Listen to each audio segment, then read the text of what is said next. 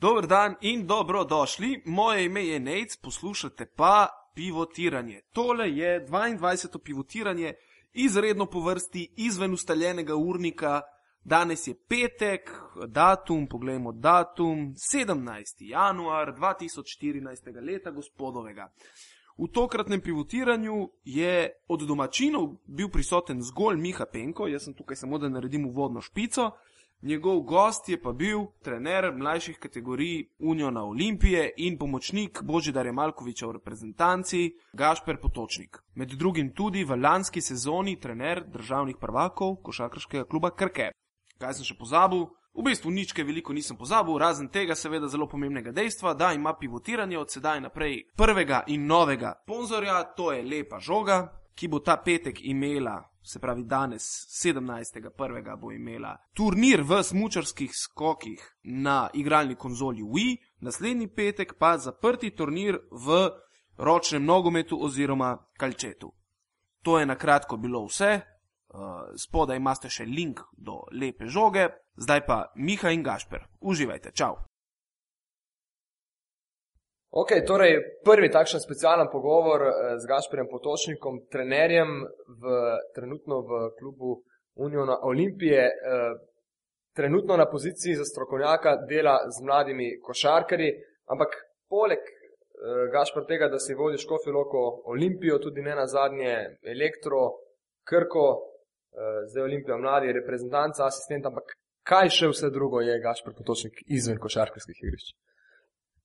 Ja, bom rekel, da že od rane mladosti mi je košarka v bistvu prva ljubezen. Uh, sprav, igral sem uh, vso svojo mladost košarko, sem ukvarjal tudi predvsej z drugimi športi. Uh, poleg tega sem pa študiral tudi računalništvo. In to bi bilo kratkem, tiste najbolj osnovne stvari, še enkrat večji del uh, moje, mojega časa pa posvečen košarki. Ampak eh, računalništvo to pomeni, da imaš doma tudi kakšno hudo mašino, ali te to ne toliko interesira, te ni toliko interesiralo, mogoče kasneje. Povsem uh, odkrito v, ča, v zadnjem času so računalnik moj uh, sopotnik vse posod, uh, predvsem zaradi službenih obveznosti, sicer se pa s tistim prav direktnim računalništvom ne srečujem več. Zdaj ne povemo, da, da tale pogovor snemamo v, v eni izmed lož, ne, stadi, dvorane Stožice. Kako se počutiš v bistvu Stožice? Ja, bom rekel, da dobro sem se zdaj v zadnjem času kar navadil na njih. Tukaj imamo res dobre pogoje za delo. Vse, kar si praktično imam dobro organiziran klub, želim imeti mamo na voljo. Moram pa reči, da ker sem prihajal ponovno nazaj v Unijo Olimpijo, sem kar nekaj mešanja občutki, glede na to, da sem bil navaden tistega legendarnega Tivolija. Uh, vendar še enkrat, v zadnjem času sem se navadil tudi na stožice in uh, tukaj imamo vse, kar potrebujemo. Sploh, ko je dvorana polna, ne, je zgodba drugačna. Ampak mogoče do tega prideva še kasneje. Omenil sem že uh, članskega trenerja, asistenta v različnih klubih in v reprezentanci, uh, delo z mladinci, delo s članicami, ne na zadnje, v preteklosti. Uh, v kateri vlogi si se ali pa se najbolje počutiš eh, kot riba v vodi, kot rečemo? Ja, če spošteno, v bistvu najbolj se počutim kot v vlogi glavnega trenerja. Eh, v bodočnosti si sigurno gledal, da bom več ali manj eh, v tej vlogi, s tem, da pa odkrito povem, da mi je velika čast bilo in še vedno je asistirati takim trenerskim masom, kot so bili Jurek Zlovec, Aleksandr Žikič, Boža Malkovič in drugi. Si, do njih tudi, če pridava, ne, uh, malce kasneje, mogoče malo bolj podrobno, ampak zdaj me še zanima, recimo, vodoma, kaj obožuješ v košarki, česa bi moralo biti več, uh, kaj pogrešaš, tale razvoj košarke, recimo, ko postaja v Evropi vedno bolj podobna ameriški košarki, kje se tule najdejo tvoje misli? Pa igra košarka se pač spremenja, kot si omenil s časom, vse bolj se približuje te ameriške košarki, vse več te fizike. Jaz pogrešam mogoče, da bi bilo več tega entuzijazma, kot je bilo včasih, predvsem ti v Jugoslaviji, spravo več proste igre, vendar glede na to, da se vse posod v današnjem času lovi rezultat, pač tukaj tudi trenerji smo del, delni krivci vsega tega. Um, pač tega vse manj in uh, jaz mislim, da bo bodoče fizika še toliko bolj prišla do izraza kot v tem trenutku. Ja, sploh uh, bi rekel, da ni več tega šmeka, ne, kot smo včasih rekli. Točno tako. Da, da košarkari morda ne razmišljajo na takšen način, niso tako odprti, se pravi, kaj jih trenerji, sistem, uh, bi rekel, tudi zaustavlja vsem skupaj. No, obstajajo še vedno, uh, vendar, uh, kot smo omenili, vse več je teh fizične, fizične igre in uh, koliko želiš tukaj uspeti, moš biti tudi ti na tej ravni in uh, temu posveča tudi veliko pozornosti na treningih in tako naprej. Tako da potem jasno, da tudi trenerji uh, več pozornosti posvečajo temu v ekipni igri in tukaj posamezniki potem pridejo bistveno manj do izraza. Prvi vrsti je vedno tu kolektiv, uh, vendar še enkrat, vse samo zaradi rezultata. Ja, ampak veš, zdaj, ko, ko spremljaš ta moment neko košarko ali pa da rečem drugorazredne, recimo američane, ne, ki to prinašajo v, v Evropo, tudi v drugih ligah, ne samo v Sloveniji, v italijanski ligi, ki jo sam recimo malce bolj podrobno spremljam, potem skušajo igrati uh, na nek hiter, atraktiven način, pa tega morda niso sposobni, niso, ne morejo doseči tega nivoja. Prav tako evropejci, potem to se mi zdi, da ne, ne izgleda kot neka tekma, ki bomo čez deset let uh, gledali na YouTubu, kot morda neke druge tekme iz ne časov jugoplastike, pred 20 let. Ne ko se jih radi spominjamo, ko jih še dan danes lahko ja, pogledamo, vsaj delček. Se vsekakor strinjam, se in ne na zadnje se košarka igra zaradi gledalcev, si bi radi čim več eh, košov, sigurno skoraj da nihče izmed gledalcev ne pride na tekmo zato, da bo gledal trdo, trdo v rambo eh, z veliko osebnimi napakami in podobno. Vendar eh, po drugi strani je merilo vsakega uspeha na končni rezultat. In gledalci, kolikor ekipa zgubila, tudi ne bojo hodili na tekme. Tako da še vedno jaz pravim, da je v spredju rezultat, s tem, da je pa na nas, ne na zadnje tudi trenerjih, da poskušamo vseeno razvijati te individualne karakteristike in kvalitete posameznih igralcev in jih probati uh, in dovoljiti to njihovo kreativnost, ter s tem ustvarjati na zadnje zvezdnike, ker mislim, da jih današnja košarka še ja, kako ja. potrebuje. Pa manjkajo, oziroma primakuje teh legend, ki so, bil, ki so se ustvarile s časoma in imamo zdaj bolj kot ne neke instant vrhunske košarkarje, ki uspejo sezono dve se držati na vrhu in se potem dokaj hitro ti košarkarji, morda tudi v Evropi, eh, kasneje izgubijo. Vem, samo primer Mileta Lisice, recimo ga, ga mi, ko smo bili mlajši, ga še danes poznamo, ne? pa je bil res legenda v tem prostoru, eden izmed takšnih, ampak tudi takole nasplošno se mi zdi, da imamo samo neke take hitre zvezdnike na hiter način, ko zrastejo in potem se tudi hitro zgubijo. Ja, zdaj, v odvisnosti, kako se te zvezdnike predstavljamo. Uh, lahko si ti zvezdnik v majhnem klubu, v majhnem prostoru, ja, ja. Uh, širše pa je to bistveno težje. In tisti res najboljši, jasno, da končajo v najboljših evropskih klubih, ali potem v NBA ligi, uh, kjer pa je jasno, zelo, zelo težko uspeti, mora se ti poklopiti ogromno stvari od tega, da nimaš težav s poškodbami, uh, da si v pravem trenutku na pravem mestu pravega trenerja, da imaš podporo z vseh strani. Uh, In um, je škoda res, da nekateri igravci, predvsem uh, jaz mislim, da zaradi tega tudi prihaja do tega razvoja, kot si ti omenil, ker uh, prehitro odhajajo v prevelike klube oziroma v NBA, kot še ne razviti igravci. In jasno, potem uh, ne morejo pokazati tistega, kar bi mogoče v bolj kvalitetnem in več dela uh, v budučnosti sicer lahko. Uh, zadnja tvoja sezona v novem mestu pri Krki, naslov državnih prvakov, ki ga Krka zdaj že kar nekaj sezon uh, zapored. Kje misliš, da tiči razlog, da je Krka lahko štirikrat zapored državni, državni prvak, Olimpija pa ne pride blizu? No, Olimpija se je v zadnjem času ukvarjala s nekimi svojimi težavami. Uh, dejstvo je, da so verjetno bili igravci uh, bolj kot ne z glavami par stvari bistveno bolj fokusirani na evropsko sezono, kot potem na državno prvenstvo. Uh, po drugi strani pa krka uh, organiziran kvaliteten klub z kvalitetnimi igralci in to je eno rivalstvo, uh, ki je samo dobrodošlo.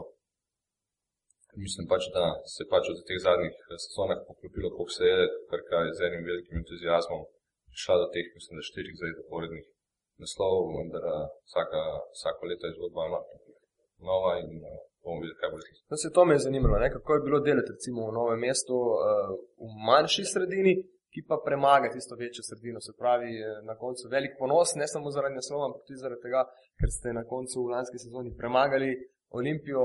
Kako se vse skupaj tam dojemalo v času, ko ste bili ti jasni? Ja, jaz moram reči, trenutku, ko smo prevzeli ekipo, stanje vsekakor ni bilo rožno, to me smo bilo težav, predvsem s poškodbami. Potem se je to s časom, nekako smo se sestavili nazaj, igravci so bili dokaj dobro pripravljeni in smo težko v bistvu čakali že tisto samo končnico. Vsi se pač pričakovali to veliko finale z Olimpijo. Ja. Dejstvo je bilo, da smo mi morali svoj del naloge upraviti že, že prej tudi. Mislim, da smo ga z odliko upravljali, mislim, tiska, razen tistega zadnjega poraza z Olimpijo v rednem delu, vse te ostale tekme dobili. Uh, samo v finale pa, kot sem omenil že prej, uh, velik naboj, uh, igravci so dali na eni in na drugi strani vse od sebe. Uh, mislim, da smo imeli dost kvalitetno ekipo, uh, še posebej po tistih nekih odhodih nekih igralcev v Olimpiji, eh, da smo pač tudi dokazali na igrišču in vsem zasluženo zmagali. Eh, je pa bilo v bistvu meni užitek voditi take igralce, kot so bili Matjas Modiš in ostali. Eh, moram reči, da to je ena velika pozitivna izkušnja. Na koncu sezone je izbran za najboljšega trenerja v Sloveniji in to na nek način sta mi združenje košarkarskih trenerjev, ker vedno da še neko dodatno težo. Uh, uh, celotnem priznanju za to. Ja, jaz bom rekel, da sem zelo ponosen na to, na to priznanje, sploh glede na to, kar sem menil, da je to strani stanovskih kolegov, še toliko več teje. Bi pa rad podaril, da to ni samo moja nagrada, ampak nagrada celotnega štaba in ne na zadnje igravcev, ki so uh, jasno vedno prvi vrsti za zaslužnost nekega uspeha. Ja, ampak če mogoče lahko dodam, ne, kaj potem takšno priznanje prinese? To pomeni, da V tujini bi vrško, ne, če bi to bilo v Španiji, ne, bi, bi telefon pregorel drugi dan, od, odklic, najprej odklical me, strani medijev in drugi strani kakšnih agen, eh, agentov in pa klubov. Kaj to pomeni na, za slovenske eh, razmere, oziroma kako si ti to občutil? Ja, mislim, da samo to priznanje ni imelo neke velike teže, kar se tiče ponudb ali česa podobnega, ker je tako in tako prišlo šele potem ja. tekom naslednje sezone. Uh, vendar je pa sam uspeh uh, državni prvak vsekakor uh, neka stvar, ki da misliti verjetno tudi drugim in uh, z, tega, z tega stališča moram priznati, da je bilo kar nekaj ponudb uh, med poletjem. Uh, na koncu sem se odločil, kako sem se za Unijo Olimpijo. Pa je v igri bila, je še vedno misli tudi kakšna tujina? Ali misliš, da je še prezgodaj, da moraš najprej na domačem terenu, kot pravimo za igralce, ne? najprej naj se doma dokaže, naj počaka do 20. in 21. leta in šele potem odide korak dalje? Ja, vsekakor moje ambicije sežejo tudi v tujino, vendar želim se uh, dokazati, kot ste omenili, najprej doma, uh, se še marsikaj naučiti, dobiti nove izkušnje in mislim, da bo s časom tudi priložnost, da se dokažem v tujini. Bi pa verjetno že v tem trenutku tudi odšel, koliko bi se ponudila res neka odlična prilika uh, nekem velikem klubu, mogoče tudi kot asistent, da s tem pridobim še nekaj nove izkušnje. Ja, ja. Uh, na koncu si izbral torej Unijo in Olimpijo mlade. Najprej, recimo, marsikdo se je začudil te odločitvi, ne, da, da na trener, ki je osvojil naslov državnega prvaka v članski zasedbi, odide ne vem, če ravno korak eh, nazaj, ampak vsekakor na, na eno stopnjo, ki jo je morda že dal čez, oziroma javnost to pričakuje. Uh, bom rekel tako, v naši ekipi, ne, podcasta Pivotiranje, podpiramo to odločitev, da najboljši treneri, treneri delajo z mladimi košarkarji, ampak kako v bistvu je prišlo do, do te odločitve, najbrž nisi čez noč razmislil, ok, zdaj sem državni porak, zdaj grem pa voditi uh, Olimpijo mladince. Ja, tako ste omenili, odločitev ni bila lahka. Uh, vendar so me v bistvu prepričali ljudje iz, uh, iz kluba, bili so zelo ustrajni, uh, kazali velik, uh, velik interes, da me pripeljejo v klub, uh, pokazali veliko željo potem, da se nekaj naredi iz teh mladih slovenskih fantov in širše tudi z ostalimi, ki pač so tukaj stvine. Uh, in ne zadnje me to pripričalo najbolj od vsega. Kot ste omenili, jaz mislim, da je zelo pomembno, da dobri trenerji delajo z mladimi. vse skozi govorimo, da ni dovolj mladih v Sloveniji, da ne dobivajo priložnosti in tako naprej. Vendar, koliko to želimo ustvariti, moramo veliko in dobro delati z temi mladimi fanti. In to mi je bil en velik izziv. V Olimpiji tudi dolgo časa ni, ni bilo igralca z domače sredine, da bi prišel v člansko ekipo. To je tudi eden od velikih izzivov, ki mi je pač uh, bil pripet na začetku in z tega stališča ogromen motiv, uh, po drugi strani pa kar nekaj zelo, zelo talentiranih fantov v mlajših selekcijah. Uh, tako da to so bili vse razloge, zaradi katerih sem se odločil, da spremem ta autopon. Ja. Lej, uh, glede na to, da jaz tebe tikam že vse čas, ne pa sem slišal ti mena, vikaš, da bo malo bolj recimo sproščeno vse skupaj ja. za pivotiranje, deva raje to zmogo obrniti oziroma ne. Uh, ja, omenil si torej te, te mladince oziroma razvoj. Najprej še to, za koliko časa načeloma ostajaš vodja tega, tega pogona? Ja. Ali, ali se ne sme govoriti ne, o tem? Ne, čisto, čisto pošteno je sklenjena za daljše obdobje. Eh, s tem, da jasno in ena in druga stran lahko, ima možnost. Je lahko prečasno prekiniti. Tako da uh, jaz, kolikor ne bi mislil, da bo sodelovanje dolgoročno se tega projekta tako in tako ne bi bilo to, uh. -huh. ker mislim, da v enem letu tako in tako sadovi ja. nekega trenerskega dela v naših kategorijah ne more biti vidni.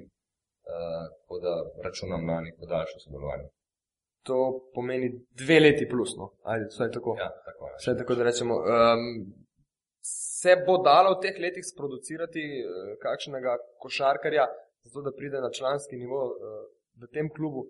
Sam si omenil, ne, da ga zdaj za to časa ni bilo, mislim, da je Jaka Danev, uh, morda še kakšen, ne če mi zdaj pobegnu z glave. Ja, jaz, koliko to ne bi verjel, se s tem ne bi ukvarjal. Prav, moj prvi interes je, da uh, skozi te mlajše selekcije se trdo veliko in dobro dela, eh, da se ustvarja igralce tako po igralski plati kot izven terena, se pravi, da so tudi popolne osebnosti. Ja.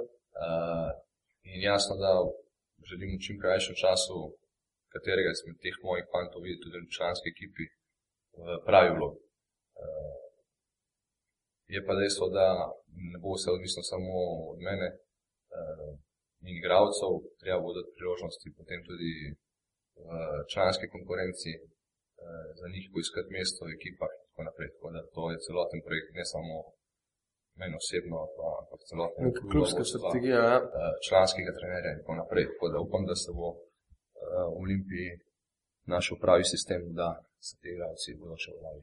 Ja, Leš Pipan je v preteklosti znal, ne, mlade košarkarje na nek način poslati v prvi plan, slovana se lahko spominjamo vseh klobočarjev, pa, pa Emirja in Gašpere Vidmarja. Ja, vsekakor. Se je na ta način že zdelo pred sezono, da bi to zgodbo lahko funkcioniralo. Ja. Oziroma, kakšno je vajno sodelovanje? Obstaja to sodelovanje? Vsekakor, ravno to, da je Aleš eh, v bistvu tukaj trener, eh, je mislim, da tudi pomemben razlog, da sem se jaz ne nazadnje odločil potem za, za to mesto, ker vidim eh, neko rdečo nit v celotni zgodbi. Mm -hmm. Verjamem, da bo Aleš, ko bo pravi trenutek, znov, znov uh, dati tem igralcem priložnost in jih pač popeljati v člansko košarko. Zdaj, v, v, v mladinski selekciji imate Vasilija Vucetiča, ki igra tudi za srpsko reprezentanco, Žulje Sakodo na poziciji organizatorja igre in pa Tilen Kodrin in Blaž Mešiček. To so na nek način fanti, ki sem jih sam uh, malce bolj izpostavil, da rečem. Uh, se tule išče neke kandidate, ki bi, ki bi lahko naredili neko malce boljšo ali pa večjo kariero. Ako da že kar nekaj časa v Sloveniji, bo se tiče pa tako ali tako tudi poznati. Ja, jaz mislim, da ste še malo skuga pozabili, ja. uh, ker so najmanj tako ali pa še bolj talentirani kot te, ki ste jih omenili. Da ne bi rad izpostavljal posameznikov na njih, teh fantih samih, je, da uh, dobro delajo, da veliko trenirajo, da jim je košarka edina poleg šole stvar v glavi. In koliko bo tako razmišljali, potem marsikdo izmed njih lahko uspe, ker so zares uh, talentirani fanti. Uh, tako da je pa dejstvo, da so v tem trenutku mogoče nekoliko spredju, uh, tudi zaradi starosti in fizičnih predispozicij, predvsem uh, ki si, ki si jih tudi ti omenil, to spravo Vasilje Vučetič uh, in Čusa Kodo v prvi vrsti. Ja, oba sta tudi zelo dobro odigrala, zdaj ta turnir na zadnji je hospitalet, ker ste kjer so sodelovali. Uh, Akodo je bil, mislim, da tudi že lani na, na tem zaključku v Londonu, uh, član svoje, svoje selekcije. Ampak najprej, no, preden gremo morda na posameznike, kako, uh, kako, kakšen je sistem treninga. Zdaj tole zadevo snemamo pol enajstih uh, do povdan, en trening so že opravili, ne danes. Ja, res je. V bistvu mi vsak dan začnemo s treningom pol osmih zjutraj, eh, včasih tudi kakšno minuto prej, da izkoristimo proste minute v dvorani. Eh, in zjutraj treniramo približno dve uri, dve uri in pol, eh, potem grejo ti fanti v šolo, delajo pač to, kar morajo tam upraviti. Vse skozi se jih redno kontrolira pri ocenah, če so ki kakršne koli težave, preverja se jih pri njihovih nastanitvi, stanovanjih in tako mhm, naprej, mhm. tako da so vse skozi pod nadzorom. Uh, popovdne sledi jasno, da je počitek in pa potem večerni trening, ki spet traja vsaj dve uri, uh, vseh sestankih, ki jih imamo poleg tega tudi, uh, ker si pač poskuša tudi usmerjati uh, in, in jim razširjati neko znanje, tako da kar precej časa preživijo v dvorani. Vsekakor jim ni lahko ob vseh teh obveznostih, so vsekakor zelo, zelo izmučeni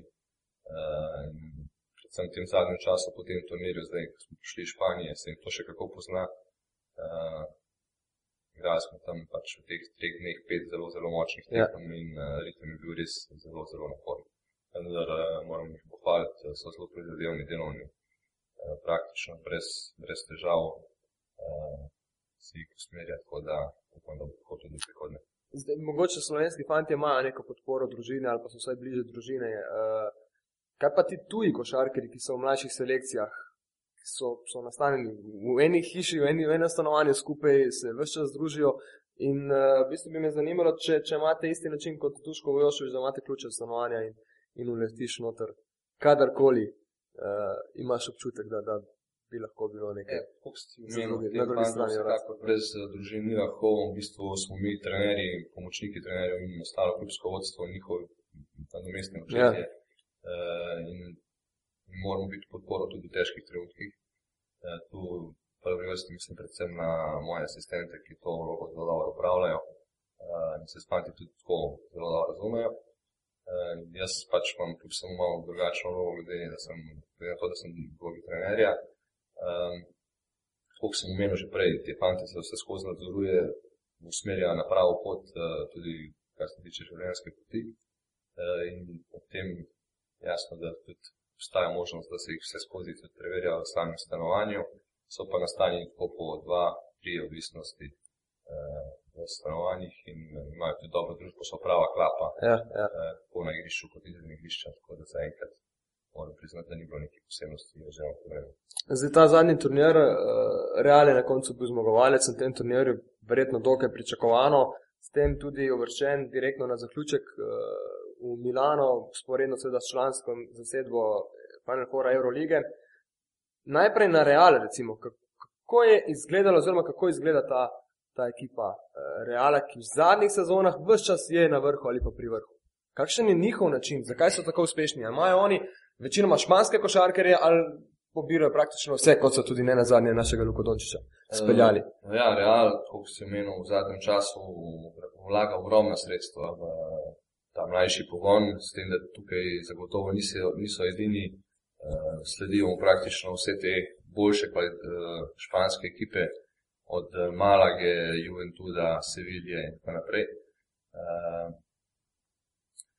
in uh, imajo ogromno, ogromno tujcev, se pravi, uh, poberejo vse, kar je kanček perspektive, oziroma če ima kjer igralec malce više, više zrasle, tako je jasno, ga že zagledajo in poskušajo pripraviti svoje vrste.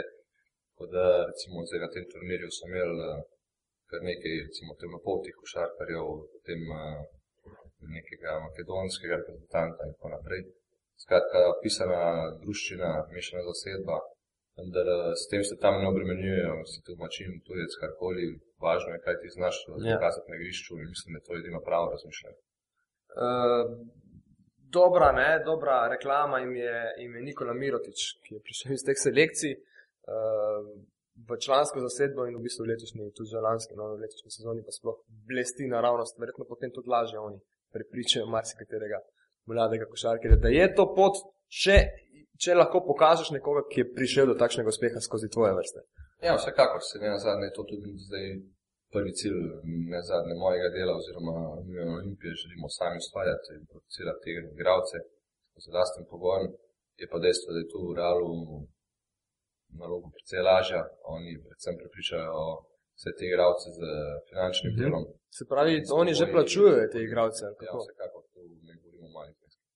Že se pravi to mladinsko selekcijo na nek način. Se pravi, tule že ima neko določeno prednost. Ampak to ne velja najbrž samo za Real. Barcelona. Za vse te ekipe, ki so na tem turnirju, razen samega domačina, so vse, kot sem omenil, zelo močne in organizacijsko in finančno. Tako da se jih že v mladinskih selekcijah Ja. zelo težko uh, kosati. Vendar pa lahko mirno rečem, da uh, smo bili mi njim eh, konkurenčni pač eh, praktično v vseh pogledih, še najbolj smo zaostajali uh, fizično. Uh, to pa je na zadnje bila že vse skozi tudi v vseh naših kategorijah v Sloveniji problem tudi na reprezentančnem nivoju.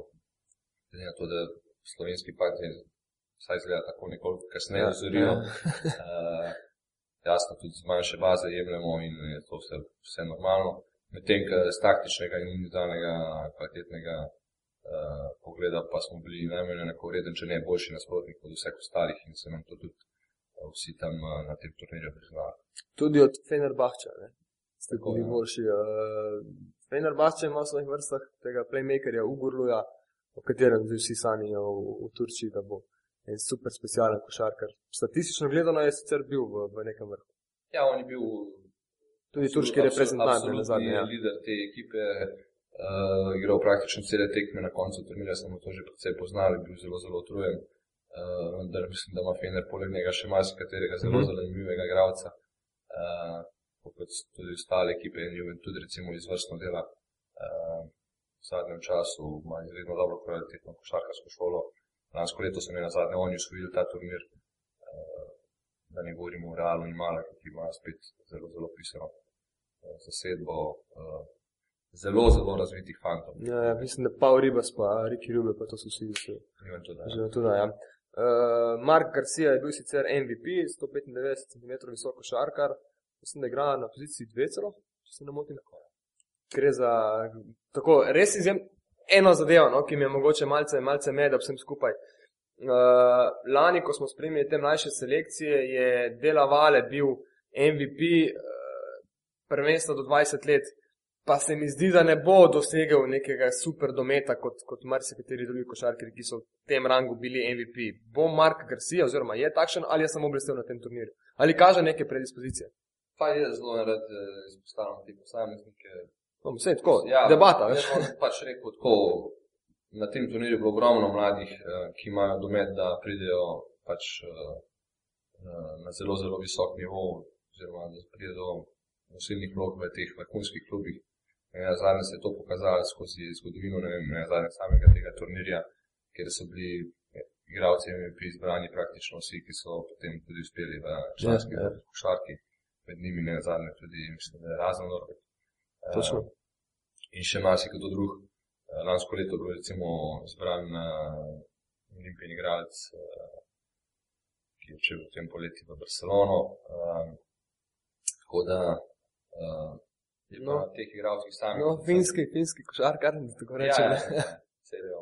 Ja, ja, ja. Uh, vendar pa sam še enkrat podarim na teh igralcih, to še vedno- Sulejmanovič, Emir, evo. Eh, je predvsem mladinska košarka, oni morajo še marsikaj se naučiti eh, in eh, predvsem morajo ustrajati na tej poti, da bojo uspeli potem v članski košarki. Uh, Včasih je veljalo za, za mlajše selekcije Olimpije, oziroma za Olimpijo, Olimpijo, da je imela bodi si B ekipo v drugi ligi, bodi si da je te košarkare, oziroma da je sodelovala in Slovanom, tudi Škofijo Loko kasneje. Uh, neko sodelovanje se je omenilo v letošnji sezoni s Slovanom. Kako je posojen tja, ne, z vaše strani? Še kakšna druga zadeva? Oziroma, ja, kako, to, kako to izgleda? Koliko je tam še Lazič, ona dva sta posvojena z naše kluba. Uh, pač mi jim na ta način poskušamo nuditi uh, primerno minutažarje v članski košarki. Uh, vsekakor bo neka ta povezava med mladinsko naša selekcija Mhm. mm -hmm. in člansko prvo ekipo mo- morala obstajati, ker je ta preskok v večini primerov pre, prehud, pre, zahteven za dogajanje. To je problem v košarki, ne? ker si z 18 leti zaključil mladinsko selekcijo, z 19, z 19 v bistvu že igraš člansko ekipo. V ostalih športih ti imaš neko selekcijo vmes, oziroma ligo nekje do 20 let, pa ne. Se strinjam, absolutno. In ravno zaradi tega mora kljub najti neko rešitev, neko sodelovanje. Eh, Zaenkrat je to pač slovan, mislim, da bo v prihodnje upam, da bomo eh, to sodelovanje samo še bolj tesno in da jim bomo s tem eh, pač omogočali ta prehod v prvo zasedbo naše ekipe. Eh, Je pa dejstvo, ki sem menil ta U18, recimo Ja. v tujini, oziroma v tem turnirju je samo U17, ne, tako da so mladinska ekipa to še večji problem. Mi Ja, ja, zadnje, ja. tisti naši mladinski ligi nastopamo z leto mlajšimi igralci, kot so, so vsi ostali. Ne. Uh, tako da potem tu res nastane neka rukna in eh, je tem mladim igralcem težko takoj pre, ta, narediti ta prehod v Euro, Eurocup ali pa Euroligo in bomo pač najdli neko drugo mestno pot, da skozi slovensko ligo Ja, to se je že izkazalo kot dobro. Ne?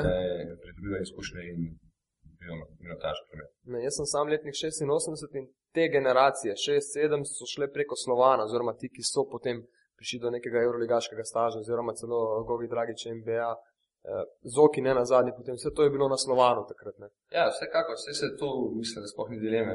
Poanta je samo v tem, da je treba najti uh, primerno sodelovanje s tem klubom, kamor ti te igralce posodiš, da imaš ti še vedno absoluten nadzor nad temi igralci, ja. da se tam kvalitetno dela, da, da je vse tako, kot je treba, kar je v velikih, velikih, v velikim primeru v tem trenutku problem slovenskih klubov, glede na to, da vemo, kakšna je situacija v večini slovenskih prvoligašov, da je stvar predvsem amaterska in da pa ni fajn, da fantje so raz, razdeljeni, ne vem, primer dajem med opodanskimi treningi na Olimpiji in popodanskimi pri tem klubu, se pravi, jaz eh, gledam stališča, da bi morali te fantje vse skozi trenirati pri enem samem trenerju, Mhm, pri eni mhm. ekipi, vendar je treba najti pogoje pri tem drugem klubu, kamor te igralce posojaš, da morajo, da, s- ker se oni pač lahko razvijajo, da imajo Ja. ja. vse, vse, kar potrebujejo.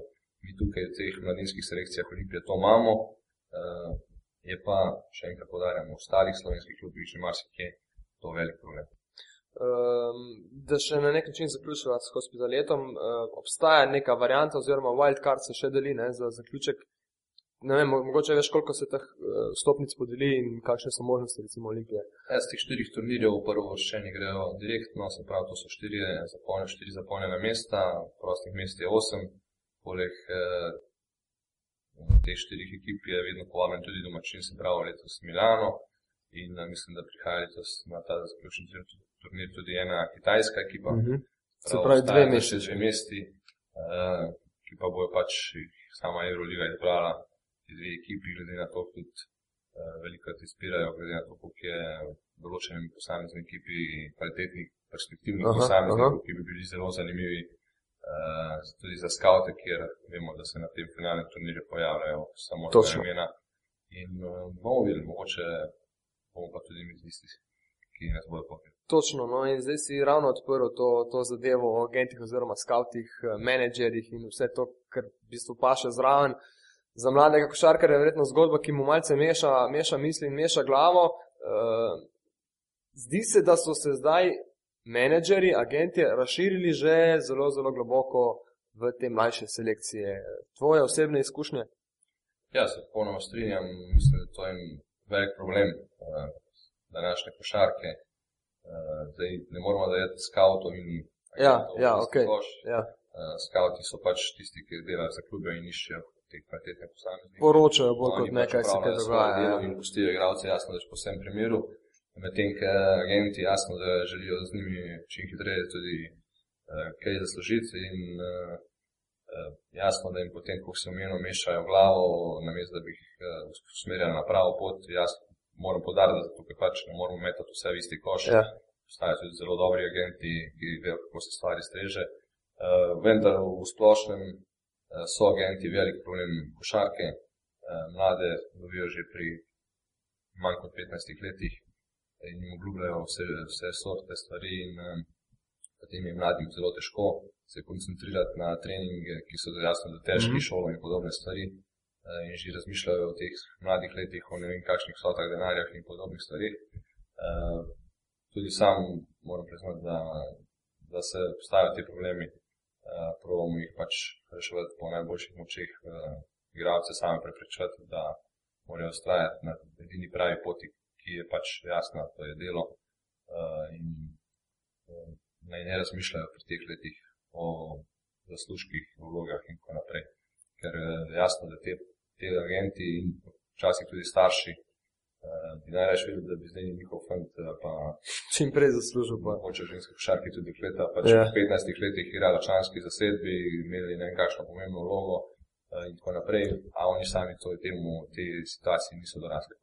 Logično. uh, stvar ni, ni idealna, treba se z njo boriti. Uh, A veš, ker jaz sem- Ja, jaz sem lani uh, v Londonu govoril s Tomom Čehom, tam sem se ravno srečala eh, v času, ko pač niso članske sedmi igrale. Dvorana je bila kakih 150 metrov proč od O2 arene in smo normalno pogledali par teh tekem. Uh, in je rekel direktno, ne, tukaj tisto, kar nekaj velja in kar naj bi uspelo do določene mere, že ima ta moment agenta, ne, oziroma menedžerja. Se pravi, to so fanti stari 15 let, uh, kakšen mogoče še kakšno leto mlajši in potem ti je jasno, da se pravi, ni mislil na enega, dva igralca, ampak na veliko večino teh. Absolutno drži. Mislim, da na tem turnirju, ki smo bili mi zdaj, mislim, da praktično vsi igralci že uh, imajo svoje agente. Neke dogovore ali pa. Ja, uh, razen mogoče res posameznikov, ki so že vse skozi uh, v teh mlajših selekcijah tega posameznega kluba. Uh, vendar še enkrat, ni problem, če ima igralec agenta, problem je, če je ta agent uh, ni pravi, ne usmerja igralca tako, kot je treba. Uh, kolikor bi on samo skrbel za njegove pogoje, da za dobro delo mu pomagal pri stvarih, uh, ki bi moral, potem vse to Mhm. vse lepo in prav. Kolikor pa uh, bega fanta z vem, minutažo, vlogo v ekipi, da mu razporeja, kaj nekdo dela, potem je pa to velik problem. In, uh, tem mladim fantom zagotovo ni lahko. Je problem, ali pa se bo pojavil ta problem v prihodnosti, eh, da Slovenija v mlajših selekcijah trenutno ne da ne blesti in da ni v vrhu, recimo A kategoriji, eh, ampak da celo izpada v B divizije, ker si ne znam predstavljati. Ne? V preteklosti smo, smo tu bili blizu vrha in so ti fanti igrali proti vrstnikom in se kasneje, čez recimo 5-6 let v Euroligi ali pa v evropskih tekmah, na evropskih prvenstvih ponovno srečali s temi fanti in verjetno niso imeli treme do njih, ker so rasli skupaj in bili tu pa tam, ne, non-stop nekje, nekje v bližini. Zdaj pa, če ti igraš z razmeroma slabšimi fanti, ko prideš na prvenstvo, ko si star na 22 let ali pa kasneje, in zagledaš neke fante, ki imajo že neko ime, ki si jih prej gledal v ne vem, 10 mesecev više od tebe, se zna takrat še leta zgodbo poznati. No? Ja, vsekakor tudi eden od možnih problemov. Jaz mislim, da je zdaj glavni problem teh narekovajih neuspehov uh Mhm. -huh. mladih selekcij Slovenije v tem, da, kar sem že prej omenil, uh, so slovenski fantje precej nerazviti v primerjavi z uh, drugimi uh, reprezentancami. Uh, vendar to je bilo tudi že v preteklosti tako, tako da to je, ni edini razlog. Uh, jaz vidim en velik problem uh, v delovanjih samih klubov v Sloveniji. Mi radi podarjamo, da ni trenerjev, Ja. ki bi delali uh, z mladimi in tako naprej. Jaz pa mislim, da je delno tudi tu verjetno problem, ampak večji problem vidim v sami organizaciji klubov in povojih v klubih za delo. Ne, zadnje danes uh, marsikateri klub v Sloveniji nima finančnih sredstev, da bi omogočil tem mladim fantom sploh uh, treninge. Uh -huh, uh -huh. Uh, in potem se velikrat zgodi, recimo, primer, da raje igrajo tekmo, ki bi morala biti v soboto ali nedeljo, kar čez teden, da potem ni treba čez vikend dodatno plačevati. Se pravi, v terminu treninga. naprej. Ja. Kar pa absolutno takoj pomeni manjše število treningov, eh, aktivnosti in tako naprej. In jasno, da eh, posledično manj znanja, izkušenj eh, in tako naprej. Ja. In ne moramo pričakovati potem nekega eh, napredka. In, in recimo, da greva še korak dalje. Ne? Tudi uh, sam sistem tekmovanja, mislim, da premajhno število tekem uh, za mlajše selekcije, dokaj hitro se vse skupaj zaključi s pauzo mestno in pa na začetku sezone tudi mesec in pol, ko, že, ko je že šola, ko so že v šoli, ko večinoma drugi že na polno trenira, oni še vedno se iščejo in čakajo tisto prvo tekmo. Se pravi, da bi se tule pojačalo vse skupaj. Se No? absolutno strinjam z vami. Ja, Sprav v sami mladinski ligi v Sloveniji, koliko prideš do zaključnega turnirja in igraš tam finale, Ja. igraš 22 tekem, kar je absolutno premalo za enega igralca pri teh 18 letih. In recimo mi tukaj na Olimpiji omogočamo tem igralcem zelo, zelo kvaliteten program, uh, poleg vseh teh tekem, ki sem jih omenil. Uh, Pa plus hospitalitet. Marsikdo od teh fantov odigra ja. še potem še kadetsko ligo še dodatno, uh, ker so še tako stari, igrajo te dodatne. Potem pa igramo cel kup mednarodnih tekem, uh -huh. se pravi, igrali smo leto že s Cibono, Cedevito, Zadrom, uh, Euroligaški turnir, tako da imamo dodatnih trening tekem, če temu tako mhm. -huh. rečem, še več kot 20 že v tem trenutku in jih bo do konca sezone še, še kar nekaj. Uh, igramo praktično vsak teden z eno od članskih ekip slovenske lige, ali prvo ligaške ali pa drugo ligaške scene. Tako da uh, tu je ta razlika med uh, Olimpijo ali pa katerim koli, mogoče mm -hmm. katerim drugim klubom v Sloveniji. Se pravi, ti naši fanti bodo do konca sezone odigrali 60, mogoče tudi 70 tekem, kar pa mislim, da je pač pravo število za, za enega takega mladega fanta ob vseh treningih, ki jih opravlja. Da, uh, je to en velik problem v drugih sredinah. Mi na srečo to pač ja. imamo. To je že uh, cifra za MBA ligo. Pol ni vrag, da ne bo nekdo čez tri leta ja, za korakom med člane, tako kot je potrebno. Uh, tudi same poškodbe. Ne? Božo Malkovič je v enem izmed intervjujev v preteklosti dejal, da, da ni čudno, da imamo toliko poškodovanih mladih košarkarjev, kolena in vse skupaj. Ravno zaradi tega, ne? ker je ta aktivnost zmanjšana na minimum uh, v mlajših selekcijah in potem tudi malce kasneje. Ja, se strinjam. Uh, to je eden izmed drugih. Imate to na združenju nekih sestankov, trenerjev in tako naprej, da se to izpostavi, da se to morda skuša premakniti neko zadevo, ali je vedno pač kljub nima denarja in zgodba se tukaj zaključi. Ker potem nimamo kaj pričakovati, oziroma se bomo morali uh, zadovoljiti s pol amatersko košarko čez 6, 7, 8 let, morda z nekimi uh, špicami, ki bodo štrlele ven, kot je recimo zdaj, kot praviš uh, v vašem primeru. Ja, jaz se bojim, da je, da je ta zadnji del, kot si omenil, zelo blizu resnice. Klubi enostavno zelo radi povedo, da ni denarja, uh mhm. -huh. da je vse zelo črno. Eh, mislim pa, da se pa bistveno premalo dela na tem, da bi pa kljub samo kaj spremenili, uh, da bi bili oni mogoče klubske strukture bolj aktivne, bolj uh, prodorne, probejo najti v teh težkih časih neke rešitve. Pravi, mislim, da so sami uh, vodstva klubov v Sloveniji, marsikateri, ne govorim za vse, ja, logično, ja. marsikateri sredini problem in da je tudi tukaj treba iskati pač napredek. Um, Dobro, greva, greva eh, v, še malce bolj v jedro. Ne? Katere so še sredine, ki jih ti kot trener, zdaj trenutno mladince Olimpije, lahko rečeš, da spoštuješ, kjer poizkušajo iz sredstev vendarle nekaj napraviti? A jaz se je tlemi velike iskrenosti ni tukaj, kar, kar nekaj vlaga v mlade, Helios želi delati z njimi, uh, Vlaškem se nekaj trudijo, uh, mislim, da se bi najdel še kakšno sredino v teh prvoligaških klubih. Ja vendar eh, kaj hitro po teh, uh, kar sem jih omenil, pa pridemo že na zelo, zelo amatersko raven, z enega treninga na, te, na dan, če sploh. Uh, mislim, da smo mi praktično polkrat ne, poleg Krke, edina ekipa, trenira dvakrat na dan. Ja, ja, ja. Potem jasno, da je težko pričakovati več. Zdaj, praviš, da je fizična pripravljenost po nekih rezultatih slabša teh mladih fantov, kot je bila v, v preteklosti.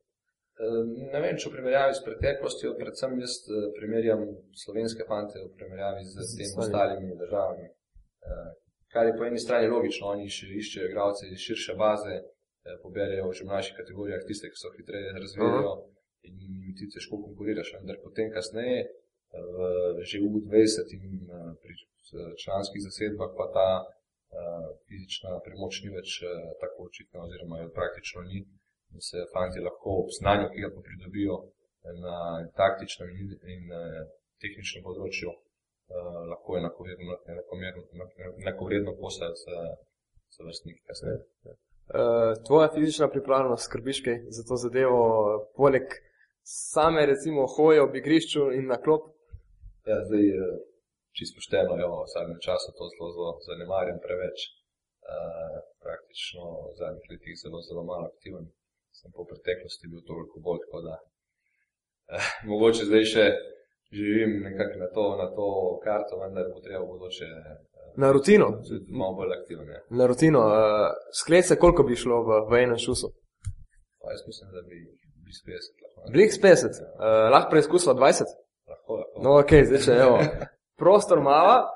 Uh, jaz bom malce pokomentiral celotno zgodbo, evo mikrofon nam bliže. Na dve smo že, tri, štiri, pet. Zelo super zgodba, raven hrbet. Uh, bi rekel, lahko, lahko zgodbo, če bi še posnel, ne bi, bi mal pokazali. Lahko fantom. Najljubši klub, tako le vmes bi šlo. Bi rekel, Real. Real Madrid, najljubši košarkar, evo čestitam za, ja. za 20, ko brez težav. Uh, če bo kakšen izziv na treningu, mislim, da lahko z lahkoto ne. Uh, zadevo še enkrat pokažeš no, mlajšim košarkarjem. Ja, mislim, da. Ker če kdo ne naredi 20, ki je v šusu, potem boljše, da mu, pač, ne vem, mu date neko dno funkcijo ali pa vlogo v ja. Ja. ekipi, Mislim, da se najde marsikdo v teh. ki bi imel težave. Ki bi imel težave s tem, ja. Evo, čestitam še enkrat. Ni problema. Uh, omenil sem, no, delal si z različnimi trenerji. Juretom Zdovcem, Božitom, Božotom Markovičem, Aleksandr Sekulič, Memi Bečirovič, mislim, da v Olimpiji takrat, uh, Aleksandr Džikič, morda sem še kakšnega pozabil, sploh kakšnih mlajših, mlajših uh, uh, zadev, ampak po vrsti. Kaj ti je ostalo v spominu pri Juretu Zdovcu, razen eh, značilne, značilne gesti, geste, bi rekel, boženja obrvi? Ne, Jure je en izjemen trener, predvsem pa odličen človek. Uh, mislim, da smo imeli zelo, zelo dobro sodelovanje v tistem času in uh, ne na zadnje on potem to kasneje tudi dokazal, kako, za kako bolj kvalitetnega trenerja gre za vsemi uspehi, ki jih je dosegal in v Olimpiji in uh, v Spartaku, ker mu zdaj želim tudi veliko uspeha v Turčiji. Uh, Aleksandr Sekolič, dobra izkušnja tvoja, verjetno to, da ti je prepustil Krko in potem naslov, naslov prvaka. A Ne, Malo šali. Sašo tam sva zelo dobra, um, moram reči, postala tudi prijatelja. Um, začela res povsem na profesionalni ravni to sodelovanje, prej se niso poznala niti tako dobro. Uh, vendar on je tudi zelo dober trener z veliko znanja. Uh -huh. Kot sem omenil že prej na začetku pogovora, smo imeli obilo težav v tej sezoni z Krko, s poškodbami in pač je v tem trenerskem poslu, tako da, koliko nimaš rezultatov, največkrat uh, ceno plača prvo trener in Ja, nažalost ja, se je to zgodilo tudi v lanski sezoni. Uh, jaz sem pač v tistem trenutku v dogovoru z Sašotom, ki se je s tem strinjal, potem pač prevzel to ekipo in verjamem, da tudi če bi Saša vodil ekipo do konca, da bi uspel. je pa tega, da Se, naslov. se veš, kak je, ne? Dve vrsti trenerjev obstajajo, to si najbrž slišal. Eni, ki so bili zamenjeni, in eni, ki še bodo. Ne? Ja, tako. Tako da zdaj ni, ni veliko izbire. Memi Bečerovič, uh, tvoja zgodba pri, pri Olimpiji, takrat z njim uh, 2-7, mislim, da je bila sezona. Ja, v bistvu 2-8, Memi tule je bil trener, kjer sem jaz uh, prišel istočasno z njim v Olimpijo. Poleg Bojana Laziča Ja. smo skupaj asistirali v tistem času. Nažalost, je tudi takrat Memi Bečirovič zelo hitro odšel iz Olimpije. Mislim, da se v tistem mojem obdobju kar precej pogosto menjalo trenerje. Um, tako da je najno sodelovanje bilo precej kratko, mislim, da smo vsaj na 4-5 mesecev sodelovali. Uh, kar je hitro za njimi prišel Aleksandr Džikič. Točno. In potem Aleksandr Džikič. Kakšen, kakšen kaliber je on? Ja, v bistvu zelo zanimiv. Uh, takrat, uh, A veš, takrat je on bil v javnosti predstavljen kot, uh, kot nek asistent v MBA ekipi, nekateri so dejali, ok, podajajo žoge na treningih in tako dalje. Drugi, ki so ga poznali, so, so, so, so takrat razlagali, da ima ogromno tega znanja in da ima občutek za američane. To je neko splošno. Zdaj pa ti si bil zraven, ti pa veš, povem, da kakšno je on trener z ogromno znanja. Mislim, da to sploh ni debate. Meni je celo zelo razširil v bistvu pogled na košarko. Do tistega trenutka sem uh, jo videl predvsej bolj osko. Mhm. Um, V kakšnem bolj, bolj smislu? v smislu, recimo, kot ostali um, razmišljanje bolj tistih tipičnih slovenskih trenerjev, uh, medtem ko je on, uh, vsaj v moj, mojo košarkarsko znanje, prinesel neko širino v smislu mogoče X košarkarske vele sile Jugoslavije, razmišljanje in ameriške kombinacije. Ne. Uh, predvsem ta MBA pride do izraza in uh, zanimivo razmišljanje, ki mi je tudi v prihodne, prihodnosti potem dalo veliko veliko idej In še danes mislim, da zelo, zelo podobno gledam na košarko kot Aleksandr Šikič. Mhm. In pa še Božo Markovič, zgodba, ki ste jo peljali uh, ravno med poletjem, ne? uh, na nek način junaki, kot smo vsi, kot smo vsi rekli, reprezentantom, pa uh, sodelovanje z njim sicer na reprezentančnem nivoju. Ja. Kakšno vlogo jaz, si imel? Jaz pravzaprav? lahko zelo preprosto rečem, da sem z vsemi trenerji, ki sem bil asistent, zelo, zelo dobro sodeloval, nikjer nisem imel nobenih težav. Uh, Božo sem se odlično počutil, sodelovali smo tri leta, uh, tako kot Jure, sem prej omenil, je tudi uh, Boža en velik gospod uh, z veliko začetnico. Uh, da ne omenjam, ker mislim, da ni potrebe, kaj se je doseglo v življenju. Ja, ja. Uh, sodelovanje je odlično, vloga pa zelo široka. V bistvu Saša tam imela enako vlogo, vse skozi Bože je želel, da mu govorijo praktično vse stvari, kar, kar obstaja. Uh, imela sva kar precej pomembno besedo, jaz mislim, da pri celotni zgodbi zelo naj upošteval. Uh, je pa jasno, da je bil on tisti, ki je na koncu odločil, kaj bo sprejel, kaj ne bo. In, uh, mislim, da smo z zadano ekipo na tem letošnjem prvenstvu uh, dosegli zelo, zelo dober rezultat. Po kančku sreče pa Ja. lahko jasno, da je to tisto željeno medaljo. Zihar imaš kakšno, kakšno priča, ne? priča se priča. Za, za Božo Domarkoviča je bilo to značilno, da je javnosti razlagal zadeve, morda na tak način skril kakšno drugo zgodbico, kako je bilo eh, z njim, oziroma je tudi vam, kakšno zadevo prodal iz preteklosti. Za samo Jaz mislim, vzdušje, za vse nima kaj skupaj. skrivati eh, s temi, eh, če temu tako rečete, zgodbami. On predvsem zelo nazorno ponazori to, Mhm. kar želi povedati s, tem, s, to njegovo, z njegovimi izkušnjami iz zgodovine, kar mislim, da je za, prav, za vse praktično zelo, zelo zanimivo, predvsem za te eh, moče mlajši del populacije. Eh, jasno, da mi smo vse skozi veliko govorili, debatirali, se na njegov račun tudi eh, presmejali, To, je skrbel ja. za, za zelo dobro vzdušje, uh, ki je pa zelo pomembno, ne zadnje posebej pri teh reprezentančnih akcijah, ker je jasno, da vsi delamo bolj kot ne, ali pa vsaj igravci so v reprezentanci bolj kot ne zastonj in uh, to vzdušje oziroma dobro počutje vse zelo, zelo pomembno. Da Boža Markovič, velik trener. Ja, veš, ker ti trenerji ne, so načeloma vsi neki posebnejši, oziroma na zven delujejo posebnejši, morda, morda eh, za stenami, niti ne na takšen način. Ne. Božo, recimo, mislim, da še ni dobil tehnične napake eh, v svoji karieri, s tem se rad pohvali. Eh, ne uporablja trenerske tablice na timeoutih, ali pa zelo poredko, če že ne. Se pravi, tu obstajajo neke zadeve, ki, ki ga delajo unikatnega. Že iz tega stališča. Ja, pač eh, Boža uporablja tablo takrat eh, v res specialnih situacijah, sicer pa bolj eh, zagovornik tega, da se vse trenira, da se vse točno že ve Mhm. uh, in pripravi na treningih. Uh, Ali lahko narediš kakšno razliko med uh, vzdušjem, ciljem, pripravo, celotno, celotno obdobjem, ko je bil Jurek Zdovc in ko ste bili 12 na prejšnjem evropskem in zdaj, ko se je igralo doma. Če izuzamemo seveda to, da se je igralo pač v, v Sloveniji, ki je že samo po sebi ustvarila nekaj euforijo. Dobro, zdaj jaz ne morem primerjati uh, reprezentančnega sodelovanja z Juritom Zovcem, ker eh, takrat Mhm, jaz mhm, uh, mhm. leta Ja. 2009 nisem bil zraven. Jaz lahko primerjam samo sodelovanje z njim in Božo, ampak to so res povsem različni Ja. Koncih, se pravi, eno je klub, drugo je, drugo je reprezentanca, uh, kar je pa zelo težko primerjati. Uh, bom pa rekel, da sta in Juri in Boža v marsičem zelo, zelo podobna uh, tipa trenerja, tako da uh, meni oba blizu po razmišljanju. Okay. Uh, Mal sem že omenil, ne, da si po Memijo Večeroviču takrat prevzel Olimpijo in jo vodil na gostovanju v Vitoriji. Fernando Buesa Arena, ena izmed lepših, pravijo. Ne, občutki so bili verjetno mešani, pozitivni, ampak mešani. Ja, v bistvu, takrat sem ko- bil star 27 No, let. to je. eh, Situacija je bila pa zelo. Jaz sem, jaz sem še, z vami, še en mesec in pol, nepričakovana. 27. Tako. Uh, jaz uh, sem mislim, da dan pred odho dan, dan odhoda ali pa dan pred odhodom, ne spomnim se več točno, uh, zvedel, da bom pač na tej tekmi vodil ekipo. Pa si slutil mogoče prej, da se. Ne, ja, čisto pošteno povedano, nisem želel o tem niti razmišljati. Uh, moja naloga je bila, da v tistem danem trenutku pomagam uh, Mimi Večeroviču in celotni ekipi do čim boljših rezultatov in o tem nisem želel Mhm. uh, razmišljati, oziroma, pardon, tle, zdaj govoriva, da sem menil Aleksandra Žikiča, uh, kjer sem vodil potem to tekmo. Ne. Uh, Vitorija. Ja, tako.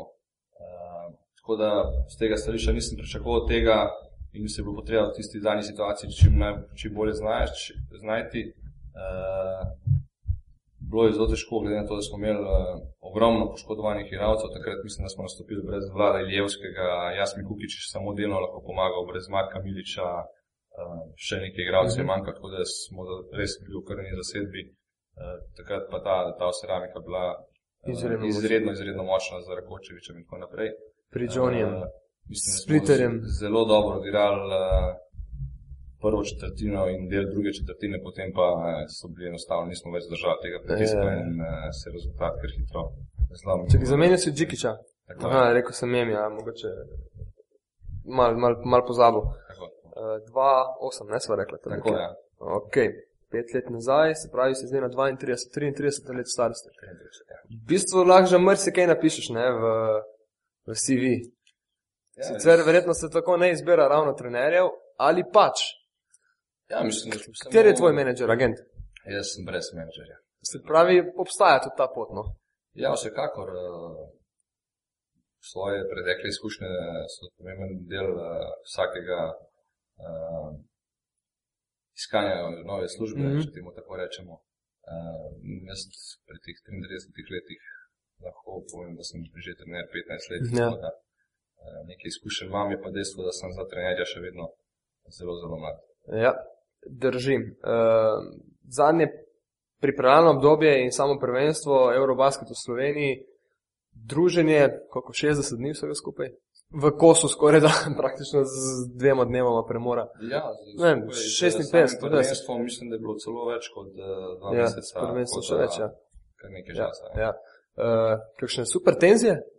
Ne, evo, praktično, mislim, veš, ker to je- povsem odkrito. Je potrebno Niti- delovati za res kot neka homogena. Najmanjšega problema nismo imeli v celotnem uh, dvomesečnem obdobju. Uh, ravno zato pravim, da je tu Boža opravil eno uh, veliko, veliko delo. Uh, je pa res, da so bili tudi fantje uh, izredno, izredno korektni, uh, pridni, delovni. Uh, točno so vedeli, kaj je želja vseh skupaj in uh, smo delovali res kot prava ekipa. Mislim, da se je ne nazadnje to tudi videlo na igrišču in uh, samo na ta način lahko iščeš rezultat. Koliko si uspel spati med pripravami in med prvenstvom? Več kot šest ur. Ali moram priznati, da letos eh, je bilo kar precej bolje kot na tistem prvenstvu v Litvi. Uh, precej se poznal, da je nam je pomagal v letošnji akciji tudi Kris uh, Booker. Uh, Chris Thomas. Chris Thomas, Ja. Ampak Chris Booker pa je Eh, Booker je pa- povezan ja, s Slovenijo. ja. Uh, Chris Thomas, uh, zelo pomembna pridobitev za reprezentanco. Evo, smislu točno to, to. pomoči. Uh, Kakšna, kakšna je to bila pomoč? Kaj je on prinesel? Na kakšen način je on te, te zgodbe analiziral? Uh, predvsem razlika je bila glavna v tem, da je precej spočil naj z, z Sašotom, ker so se v bistvu bolj fokusirali na našo samo ekipo, uh -huh. Mhm. kot pa na nasprotnika. Kaj bo potem Eh, počel on v bistvu? Ker veš, spet Chris- javnost, ne, Chris- klasično slovensko, kaj nam je potreba za en američan, imamo svoje asistente, koga se zdaj tukaj uporaba, gore dole. Ne? Ne, Kris uh, ima ogromno znanja z, te, z tega skautinga. On je pač skrbel za analizo nasprotnikov v sodelovanju z nama, z uh, Sašotom, ki smo mu pri tem pomagali, mi da delala sicer video, uh Uh -huh. -huh. uh, on je medtem skrbel samo za, skauting, vendar že sam te informacije, da je uh, hodil na tekme, uh, spremljal ostale ekipe in nam prihranil marsikatero uro, uh, ne nazadnje tudi spanca, kot si prej omenil, Ja. je pomenila ogromno ker si na zadnje potem lahko ti bolj zbran za neke druge stvari. In uh, tako si pač vedno treba delo razporediti v uh, teh strokovnih štabih. In, uh, jaz mislim, da je bila glavna razlika ravno v tem, da je bil tukaj pač en človek več za vse to delo, ki je bilo potrebno opraviti. Eh, Zdaj to pomeni, da si ti eh, pregledal en kup tekem, posnetkov, si dobil to zvevo že zrezano, ali si mogel še tekme potem. Ne, zrezala sva video Sami sama, ja. jaz pa Sašo, medtem ko je on potem vem, pripravil recimo klice akcij, zrisal akcije, mm. -hmm. kaj ne bi kdo delal, mi dva smo mu jasno, da je z nekimi uh, izkušnjami iz preteklosti pri tem pomagala, ne, zadnje so bistveno bolje poznajo nekatere evropske igralce kot, ja. kot on. Uh, on kljub samo v nekih trenutkih mogoče nekoliko drugače gledal na vse skupaj, kot uh, je se tudi v Evropi gleda. Uh, vendar potem smo skupaj z, jasno v neki normalni debati uh, poskušali najti neke rešitve, ki so bile v tistem danem trenutku najboljše za našo ekipo, glede na nasprotnika in uh, mislim, da nam je kar uh, dobro, uh, dobro šlo med prvenstvom. Uh, na koncu, kakšna anekdota v sami tele reprezentanci, verjetno jih je bilo ogromno, ne? ampak kakšna zadeva ti pa je že ostala malce bolj spredaj v mislih. Uh, najbrž se je pa toliko dogajalo, da je z lahkoto kakšna knjiga napisana. Ja, uh, veliko stvari se je dogajalo. Ja. Uh, mogoče ta stvar, ki mislim, da ste že vsi slišali, zelo zanimiva, ki je uh, Goran Dragič, recimo, uh, glede na to, da smo, mislim, da je zaključili priprave s tekmami. Zdaj, če grejo na avtobus, ja, tako, moramo neko drugo, ker to smo res vsi slišali. da se je Gogi odpeljal ja, sam zdaj, šofer. se- prav, se- se- se- Veš, to je, to je izgledala zelo dobra marketinška poteza. Ne? Ja, tako. To je zelo, zelo dobra osebnost na nas. Ja. Kaj pa priprave, same priprave se tam kaj posebnega dogajalo? Pa jaz mislim, da je ogromno. Ni bilo izho- ogromno- eh, ogromno nočnih izhodov, ni bilo. Eh, Kot v preteklosti, ko je Srbija gostila domače prvenstvo. eh, Mislim, da fanti V Beogradu, praktično niso, niso šli celotno obdobje uh, ven. No, govorimo o tistih eh, nenapovedanih nočnih Ja, ja, seveda. no, ne, ne zdaj, Mislim, takrat, ko je prošel čas. res, da niso zapuščali praktično hotela, razen potem jasno, da posebno na koncu, kjer so že vsi jasno, Ja, ja, ja. posebno zaslužili uh, ta izhod. Uh, in tako, vse, marsikaj se je dogajalo, vendar moram priznati, da jaz sam uh, kot uh, trener sem precej v nekem smislu udaljen od nekih stvari. Uh, mi se res fokusiramo na tisto delo v danem trenutku in uh, poskušamo ostale stvari uh, povsem izklopiti. Ja, ja. Uh, dobro, reprezentanca je, je zaključena zgodba evropskega, mislim, da se bomo vsi z velikim veseljem spominjali na takšen ali pa drugačen način, bodi si kot gledalci ali pa kot tisti, ki so malce sodelovali zraven. Ampak zdaj pa še malce na tvoje dojemanje košarke. Ne? Na kakšen način naj bi se košarka igrala, govoriva v vem, idealnih razmerah, da imaš možnost izbire m, taktike, oziroma na kakšen način strmiš v, v, v igro, da se pravi, tvoj idealni ekipi, ne, ne zdaj, da govorimo o našem prostoru ali pa o mladinski selekciji. Kaj ti je najbliže? Govorimo o, pa ne nočem dati zdaj primera, Real Madrid ali govorimo o ekipi, ki igra bolj obrambno? Že Barcelona na drugi Ja, strani. jaz čisto pošteno bom povedal. Jaz uh, sem navaden skozi vse te leta, ker sem deloval v košarki, uh, zagovarjati uh, to, da se igra predvsem dobra obramba. To mi je vedno dajalo dobre rezultate uh, in nekako to gledam kot osnovo košarke. Uh, omenil sem ti prej, da bi rajši videl tudi jaz, da bi se igral predvsem mm -hmm. dober napad, Mhm. ampak uh, predvsem v teh sredinah, kjer mi delujemo, ali pa kjer sem jaz deloval, je bila situacija taka, da se nismo mogli zanašati na ne vem kakšne kvalitete posameznikov, ampak predvsem na ekipno igro Ja. in na obrambo. Zato moram reči, da je nekako v moji glavi vedno prva obramba, vedno prvi ekipni duh, uh, dobra atmosfera in absolutna podreditev vsakega posameznika kolektivu. Samo skozi to lahko potem tudi ekipa izvrže posameznike in mislim, da lahko vsak posameznik da potem v takem sistemu tudi svoj največji doprinos ekipi. A, ne, to Pokaže, misli, pokaže potem tudi svoje individualne karakteristike oziroma kvalitete, ker po drugi strani tudi v napadu recimo poskušaš, vsaj jaz osebno, iz vsakega posameznika iztržiti največ, kar je v tistem trenutku sposoben dati in ga postavljati v vloge, kjer se dobro znajde, po drugi strani pa skrivati njegove slabosti. ja. Se pravi, mislim, da je to čar trenerskega dela, da znaš vsakega posameznika maksimalno izkoristiti. A nam je to miselnost v cepu zmago Sagadin v preteklosti že, da je potrebno, da se ob- da obramba zmaguje. Uh, Aco Petrovič na drugi strani, vemo, ne, ko pride v neko novo sredino, so tisti, ki se ukvarjajo s stavami, zelo zadovoljni, ker ponovadi buki še pustijo tisto razmere košev. Pa vsi vemo, da bo to šlo na trojka, trojka na trojko. In, in, in bo obramba bolj kot ne zadnja briga.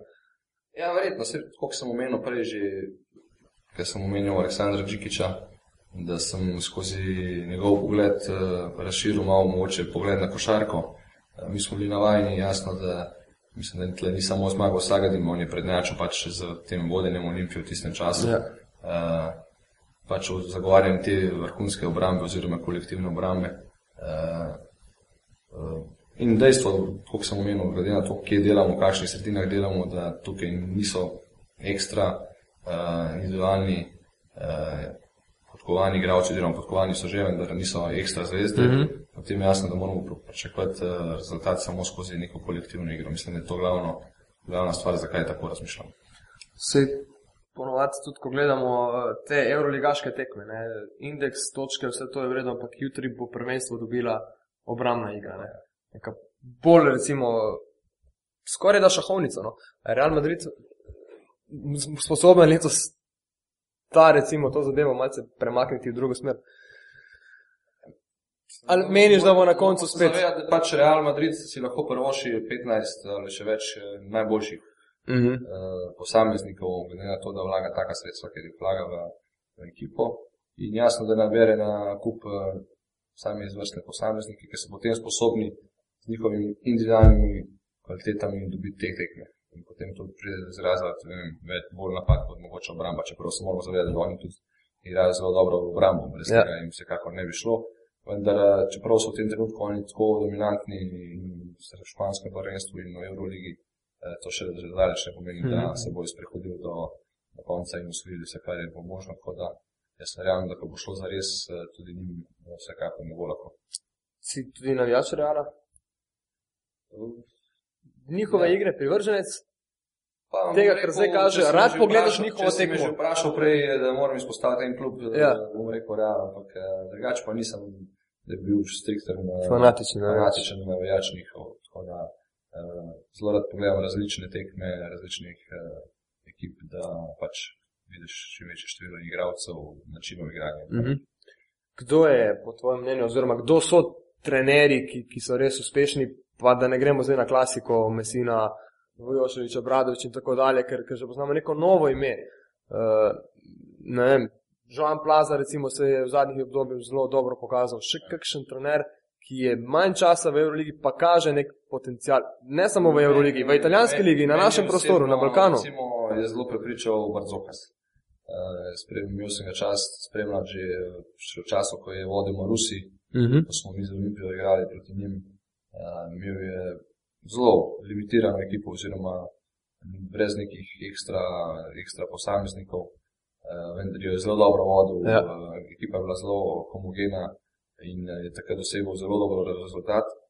In me ni čudilo lansko leto, ko je prevzel v zelo težkem trenutku za trenerja pač Olimpijako si z njim ponovil ta velik uspeh, ker mislim, da še bistveno večji uspeh, kot pa bilo prvič napadati uh, Duško. Ivanovič. Ivanov, ne, Dušan Duda Ju- Jukovič, Dušan, tako.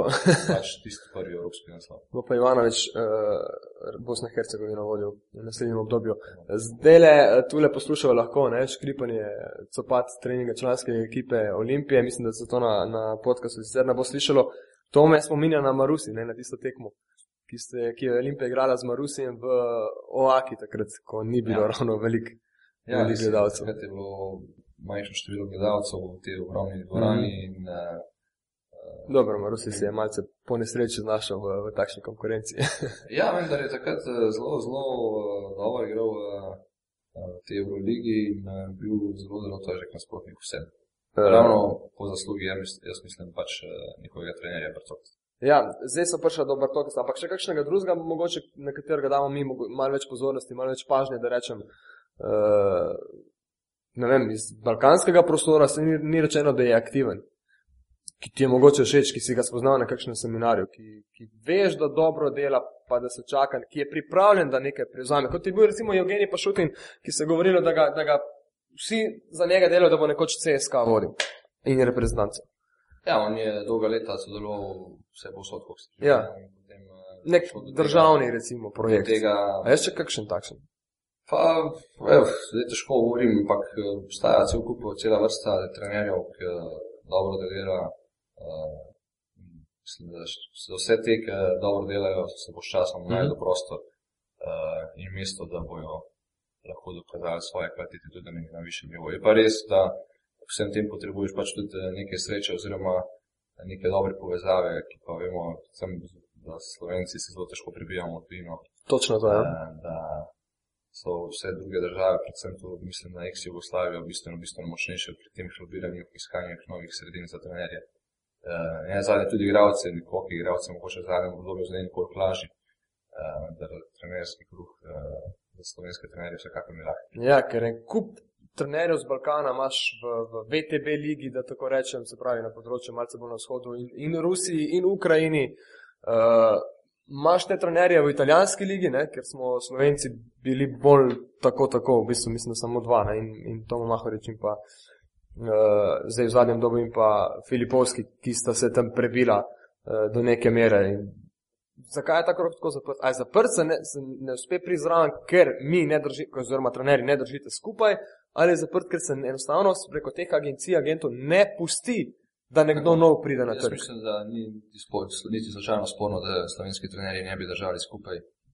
Veš, na Polsko se je recimo, da za te trenerski sekti, če lahko tako rečem, uspelo prebiti ne, do določene mere. Ja, tukaj se je skozi čas, pač skozi kvalitet, dobre predstave od teh ekip, ki so jih slovenski trenerji vodili, eh, od Andreja Urlepa do Leša Ja. Pipana in tako naprej, eh, pač stvaril imič, da so slovenski trenerji kvalitetni in jasno, da je potem nekoliko lažje priti na to tržišče. Mm -hmm. Ne vem, Aleš Pipan lansko leto odiral, oziroma naredil velik posel z MZT-em, pa je dobil uh, službo še to. Uh, Zoran Maršič.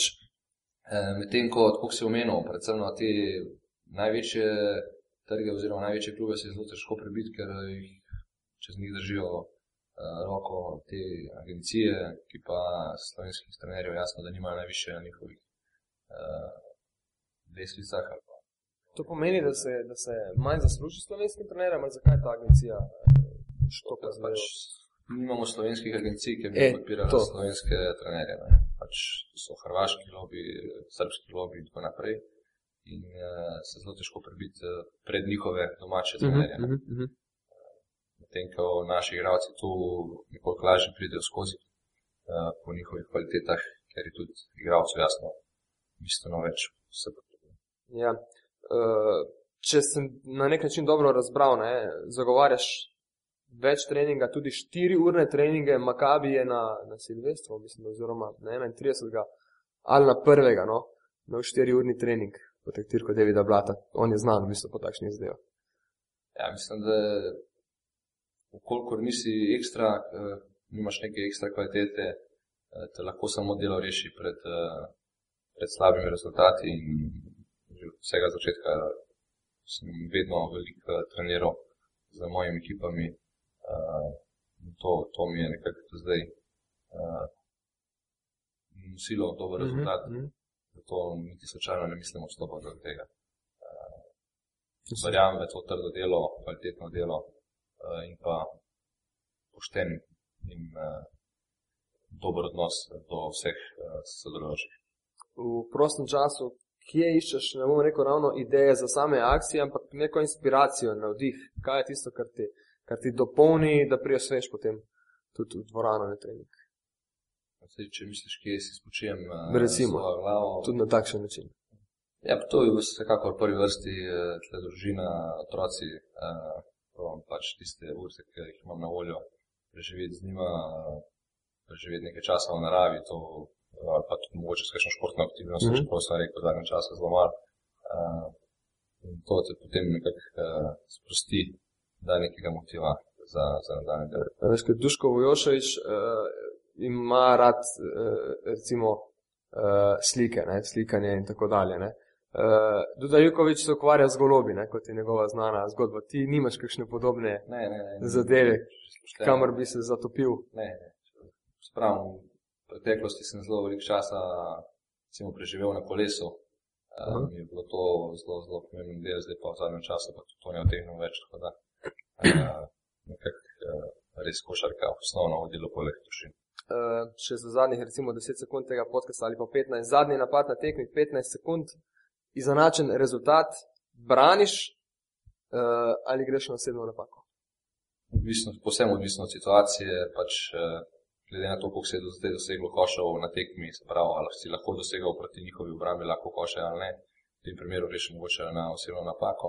Mhm. Okolikor pa si zelo tež- težko dosegal koš, recimo, morate po mojem uh, bolj smiselno braniti uh, in ne prevzeti prevelikega tveganja uh, potem za napad. Predvsem, če si dobro funkcioniral prej v obrambi. Ok, Gašpor, hvala lepa.